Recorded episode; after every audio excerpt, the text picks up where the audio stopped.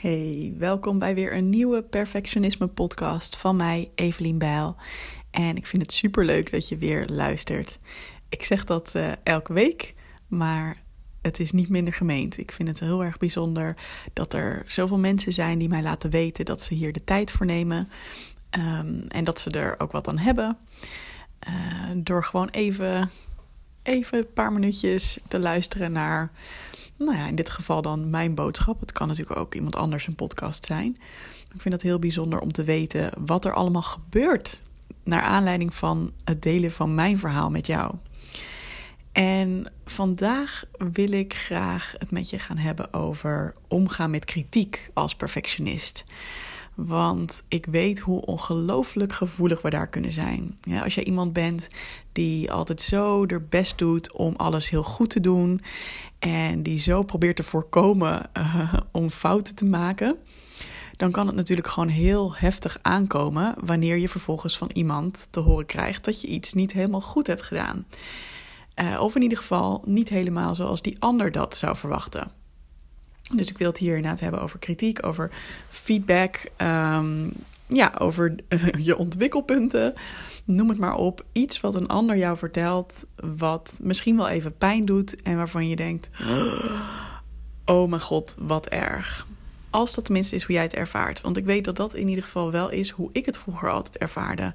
Als iemand mij feedback gaf, nou, dan hield ik mijn adem al in. En dan was ik, ja, het voelde soms als een soort van stomp in mijn maag. Als ik bijvoorbeeld een mailtje had van iemand, uh, een collega bijvoorbeeld, of een leidinggevende die zei dat ik iets uh, beter had kunnen doen of handiger had kunnen doen. Nou, het voelde echt, uh, ja, stomp in mijn maag. een soort van bijna persoonlijke aanval. Natuurlijk hing het er wel een beetje vanaf hoe groot of hoe klein het was hoor. En van de manier waarop de feedback gegeven werd, uiteraard. Maar er was in ieder geval een heel patroon van zelfverwijt omdat er natuurlijk al ergens in mij de overtuiging zat dat ik niet goed genoeg was. Dus dan alles wat je vervolgens te horen krijgt, wat daar um, ja, op in lijkt te haken, dat komt gewoon dubbel en dwars zo hard aan. En ik wil je graag mee terugnemen naar een paar weken geleden toen ik lekker met mezelf in een huisje zat. Ik heb het er al wel eens over gehad. En uh, ik zat daar lekker. Ik was, uh, mijn plan was om even lekker een paar dagen in de bossen te zitten en daar met mezelf te brainstormen over mijn bedrijf. En ik had ook, uh, ja, ik was gewoon lekker een paar nachtjes weg. Ik was ook aan het brainstormen over mijn programma, goed genoeg om dat nog beter te maken. En op een gegeven moment kwam er een mailtje binnen. Ik heb zo min mogelijk ben ik online geweest, maar ik heb wel elke dag even één keer mijn mail gecheckt. En dat mailtje was van iemand die kritiek had op mijn werk. En ook best pittig, weet je wel. Best wel, uh, wel stevig. Ik zal verder niet op de details ingaan, ook om de privacy van diegene te beschermen. Maar het was duidelijk dat diegene vond dat ik het allemaal niet uh, uh, zo goed had aangepakt. En dat het een stuk beter kon en et cetera. Nou, mijn eerste reactie is dan alsnog, hè, zelfs na al die jaren van zelfontwikkeling, is even zo'n gevoel van oef, oh, dat doet pijn. En ik denk ook dat dat heel normaal is en dat we dat ook nooit helemaal weg zullen halen en hoeven halen ook. Want dat is ook um, ja, een gegeven dat wij zijn sociale dieren. Hè? Mensen zijn sociale dieren. Dus onze hersenen zijn er ook helemaal op geëvolueerd om harmonie te hebben met anderen. Dus op het moment dat een ander iets tegen jou zegt wat negatief is, brengt dat gewoon een soort van fysieke reactie in ons lichaam teweeg. Want we willen het allemaal goed houden en ja, dit gaat er een soort van tegenin. Maar wat ik wel merkte, is dat ik er vervolgens totaal anders mee omging dan dat ik vroeger gedaan zou hebben. En ik dacht, dat is misschien wel heel waardevol om jou daar eens mee doorheen te nemen. Wat ik vroeger zou hebben gedaan en hoe ik dat nu anders doe. Um, want daar kun jij misschien ook van leren. En daar heb jij misschien ook wat aan wanneer jij weer een keertje feedback krijgt, kritiek krijgt. Want zoals ik net al even zei, zou ik vroeger bij het zien van zo'n mailtje heel erg in een, soort van spiraal van zelfverwijt gaan. Er zouden allemaal gedachten opkomen als: Oh, zie je wel, ik ben ook niks waard. Ik kan dit werk ook helemaal niet goed. Wie denk ik wel niet dat ik ben om deze positie te bekleden? ik kan maar beter iets heel anders gaan doen, want duidelijk ben ik niet geschikt voor dit werk. Nou, ik ben benieuwd of je dat soort negatieve gedachten herkent. Dat is het eerste wat er vroeger zou zijn gebeurd. Het tweede is dat ik vroeger het absoluut voor mezelf zou hebben gehouden, zo'n moment. Misschien dat ik het uiteindelijk een keer zou delen, maar zeker in het begin, die eerste uren, ja, dan er was er een soort van schaamtegevoel. En dat gevoel van schaamte heb ik nog steeds wel, maar ik zal je zo laten weten hoe ik er nu mee ben omgegaan. Maar vroeger had ik dus absoluut dit voor mezelf gehouden en bij wijze van spreken om me heen gekeken van, oh, ik hoop dat niemand gezien heeft dat ik dit bericht heb gekregen, weet je wel? Gewoon de schaamte van, oh jee, iemand heeft door me heen geprikt en Um, ja, dit is de kritiek die ik heb gekregen. Waarschijnlijk nog behoorlijk terecht ook, weet je wel. Dus dat is het tweede. En het derde wat ik dan vervolgens had geprobeerd is uh, om het gevoel weg te drukken en het weg te stoppen. En dat lukte natuurlijk helemaal niet, want het, ja, het kwam dan toch steeds weer naar boven um, in mijn gedachten. En dan zou ik dus boos op mezelf worden dat ik hier zoveel last van had. En zou ik denken, jeetje, Evelien, kom op, je hebt gewoon even feedback gehad. Daar moet je toch gewoon mee om kunnen gaan. Hè? Uh, je leert ervan en nu verder, hoppa, tanden op elkaar. Um, ja, druk het gevoel weg. Druk het gevoel weg. En dan probeerde ik bijvoorbeeld weer heel hard te gaan werken aan iets anders. Of op een andere manier afleiding te zoeken. Maar op het moment dat ik dan even weer rust had, ontspanning had, dan kwam dat knagende gevoel weer boven. En eigenlijk zat het gewoon continu ook in mijn achterhoofd en ook in mijn maag, soort van. Dus ik zat er letterlijk mee in mijn maag. Heel lang. Dat kon best wel lang blijven aanhouden.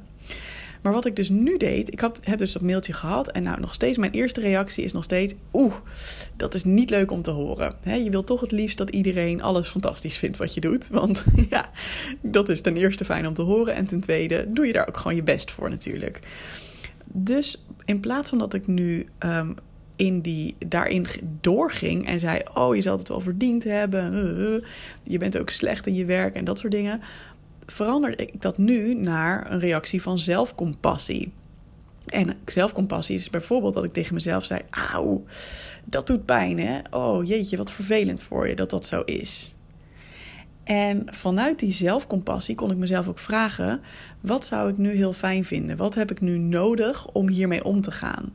Voel je wat een groot verschil dat is ten opzichte van gewoon jezelf um, verwijten dat je zo voelt. Hè? Ten eerste verwijten dat je die fout hebt gemaakt of dat je ditgene gedaan hebt waardoor je deze reactie krijgt. En vervolgens boos worden op jezelf omdat je je niet lekker voelt. Ja, voel je hoe anders het is om in plaats daarvan te zeggen: Oeh, wat vervelend. Hè? Net als dat je tegen een vriendin misschien zou zeggen: Oh, wat vervelend. Hè? Hoe kan ik je helpen? Wil je het er even over hebben? Of weet je wel, wat heb je nodig? Die vriendin ben ik nu dus voor mezelf, als het ware.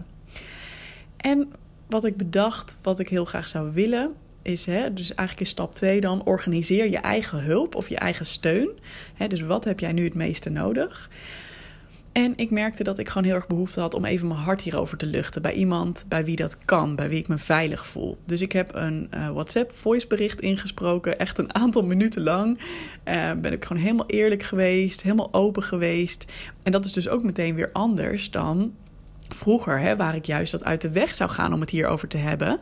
Want dan dacht ik van, oeh, ik wil niet dat mensen dit van mij weten, dat voelt kwetsbaar. Uh, ik wil ook niet anderen ermee opzadelen, dus ik hou het lekker voor mezelf. Nee, in plaats daarvan ga ik het juist bespreekbaar maken. Dat is voor mij in ieder geval een manier. Ik zeg niet dat dat de manier is voor iedereen, maar um, dat is wel iets wat ik ook uit het boek van Brene Brown heb gehaald. Um, over, ik geloof, de kracht van kwetsbaarheid. Waarin ze ook zegt van um, connection, dus verbinding, is de antidote to shame. Dus verbinding is het tegengif tegen schaamte. Dus juist als je schaamt, heb je de neiging om je terug te trekken als een gewond dier en in een hoekje te gaan zitten en te denken: nee, nee, nee, ik ga het er niet over hebben. Mensen moeten dit stuk van mij niet zien, want dat is kwetsbaar. En in plaats daarvan kies je heel bewust, niet bij iedereen, maar jij kiest heel bewust bij wie jij dit stuk van jezelf wel kan laten zien. Dus ik heb gewoon een hele fijne vriendin even uh, dit helemaal eerlijk verteld. En dat is ook iemand met wie ik vaak over business spar. Zij heeft ook een eigen onderneming. Dus ben ik gewoon heel eerlijk geweest van nou, dit was de situatie, dit was de mail die ik kreeg. En ook heel eerlijk geweest over mijn gevoel erbij. Van nou, dat doet wel echt even pijn, want ik ben juist hier en hier mee bezig om het beter te doen en lalala. Um, dus ja, ik merk dat het gewoon echt even pijn doet. En ik zou het super fijn vinden om even support van je te krijgen. Dus ik heb ook gewoon daadwerkelijk gevraagd om support. En wat ik meteen merkte is een soort van opluchting. Omdat je, je kan schaamte of dat, dat vervelende gevoel wat je krijgt als je kritiek hebt gehad, kun je ook zien als een soort van ballonnetje dat helemaal strak gespannen staat. En als je het dan deelt met iemand anders, hè, of als je op een andere manier jezelf goed steunt, dan kan dat ballonnetje weer een beetje leeglopen. Dan is het, oh ja, oké, het stond even heel strak, maar nou ja, het verhaal is eruit, het hoge woord is eruit. Dus ik merkte al meteen dat ik me anders voelde daardoor. En waar ik dus vroeger er heel lang mee zou hebben rondgelopen, juist omdat ik het wegstopte, merkte ik dat ik nu eigenlijk al wel weer heel lekker verder kon met de rest van mijn dag. En dat ik ook meteen al een stuk vrolijker was. Nou, vervolgens kreeg ik ook nog eens een keer een heel lief berichtje terug van die vriendin van mij. Die gewoon zei van, oh, ik begrijp het helemaal. En ik zou dat ook zo hebben gevoeld. En joh, wat rot voor je. Maar uh, nou ja, weet dat ik je gewoon echt een topper vind. En dat je juist heel erg je best doet um, hè, om je werk goed te doen. Dat zie ik ook. En weet je, gewoon even waardering, erkenning, begrip. Nou, dat maakt het natuurlijk helemaal fijn om dat gewoon even zo te horen. Um, en ja, weet je, ook als je denkt van, oh, maar ik wil een ander niet tot last zijn met mijn problemen, dat heb ik ook wel vaak gedacht. En ik zie dat ook heel vaak bij mijn deelnemers aan Goed Genoeg terug. Uh, Goed Genoeg is mijn online programma waarin ik je help om stap voor stap je perfectionisme te gaan loslaten, zodat je een veel relaxter leven krijgt. Um, ik hoor dus heel vaak inderdaad dat mensen zeggen: Ja, maar dan ben ik die ander tot last en dat wil ik niet. Maar draai het eens om. Stel je voor dat een lieve vriendin van jou in deze situatie zou zitten. En zij zou zich schamen en ze zou balen en ze, zat echt even, ze zat er echt even doorheen. Zou jij het dan vervelend vinden als zij bijvoorbeeld een berichtje insprak en heel eerlijk naar jou was? Zou je dan denken: jeetje, nou, uh, deal even lekker met je eigen problemen? Of zou je misschien denken: Oh, wat fijn dat je dit eerlijk durft aan te geven. En nu, en nu geef je mij ook de kans om er voor jou te zijn. Ehm? Oh, wat fijn dat je mij blijkbaar genoeg vertrouwt om dit met mij te delen. Want dat doet ook niet iedereen bij iedereen. Um, en zou je daardoor juist voelen dat je band een stuk verdiept is. Uh, omdat je ook dit met elkaar deelt. En niet alleen als het goed gaat, maar juist ook de pijnlijke, schaamtevolle momenten. En voel je je daardoor misschien ook juist eerder uitgenodigd om datzelfde bij diegene terug te doen. En om ook zelf eerlijk en open te zijn. Nou, als je dus inderdaad dat gevoel hebt van hé, hey, ik zou het eigenlijk heel erg waarderen als een vriendin dat bij mij doet. Of een collega of een kennis of een familielid. Het maakt natuurlijk niet uit wie, als het maar iemand is waar je echt veilig bij voelt. Ja, dan weet je wat je te doen staat. Want eigenlijk onthoud jij andere mensen dus dit fijne gevoel van er kunnen zijn voor iemand. Als jij nooit een keer hulp of steun aan die ander vraagt. Of als jij nooit een keer eerlijk en open bent over je meest kwetsbare momenten. Ik ben heel benieuwd hoe je, dat, uh, ja, hoe je daar naar kijkt. En nog een soort van bonus tip over omgaan met kritiek uh, als perfectionist. Weet ook dat je niet met alle kritiek en met alle feedback iets hoeft. Dat dacht ik vroeger wel. Ik dacht, oh, iemand vindt iets van mij, nou dan moet ik daar direct wat mee. Nee, dat hoeft absoluut niet. Weet dat je altijd eerst ook, hè, nadat je dus uh, voor jezelf hebt gezorgd, hè, door even naar binnen te keren en te zeggen: hey, vervelend dat je zo voelt. Wat heb je nu nodig? Bijvoorbeeld steun van een vriendin. Um, voordat je denkt van, oh, nu moet ik direct iets gaan doen met die feedback, stel jezelf eerst dan ook de vraag van, hey, is dit feedback waar ik wat mee wil? Is dit feedback waar ik wat mee kan? En van wie komt de feedback? Dus als het bijvoorbeeld um, feedback is van iemand uit jouw privéleven op jouw werk, ja, de vraag is of je daar wel wat mee moet. Want weet diegene wel hoe, jou, hoe jij je werk het beste moet doen, bij wijze van spreken. Of als het um, feedback is van iemand waarvan je denkt: ja, ik snap dat jij dat zo zou doen, maar als ik kijk naar jouw leven, dan wil ik dat helemaal niet. Stel dat ik bijvoorbeeld feedback zou krijgen van iemand die vindt dat ik harder moet werken. Um, ja, ten eerste, dat is helemaal niet mijn doel in het leven. Mijn doel is om slim te werken en om hè, goede resultaten te leveren zonder per se uitgeput te raken door hard te werken. Ehm, en hè, dus ik heb ook wel eens zo gekeken naar mensen die dat soort feedback gewoon of hè, dat soort tips geven. Hoe ziet hun leven eruit?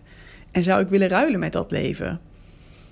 En dat zijn dan bijvoorbeeld ondernemers die inderdaad echt tot het gaatje gaan en weet ik wat. denk ik, nou, nee, mooie tip, maar niet voor mij, want dat is niet hoe ik mijn leven wil leiden.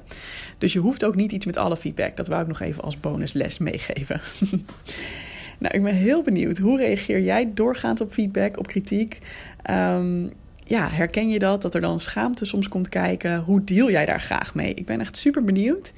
Uh, ook als je misschien juist een hele mooie manier hebt gevonden om daarmee om te gaan. Daar hoor ik ook heel graag meer over.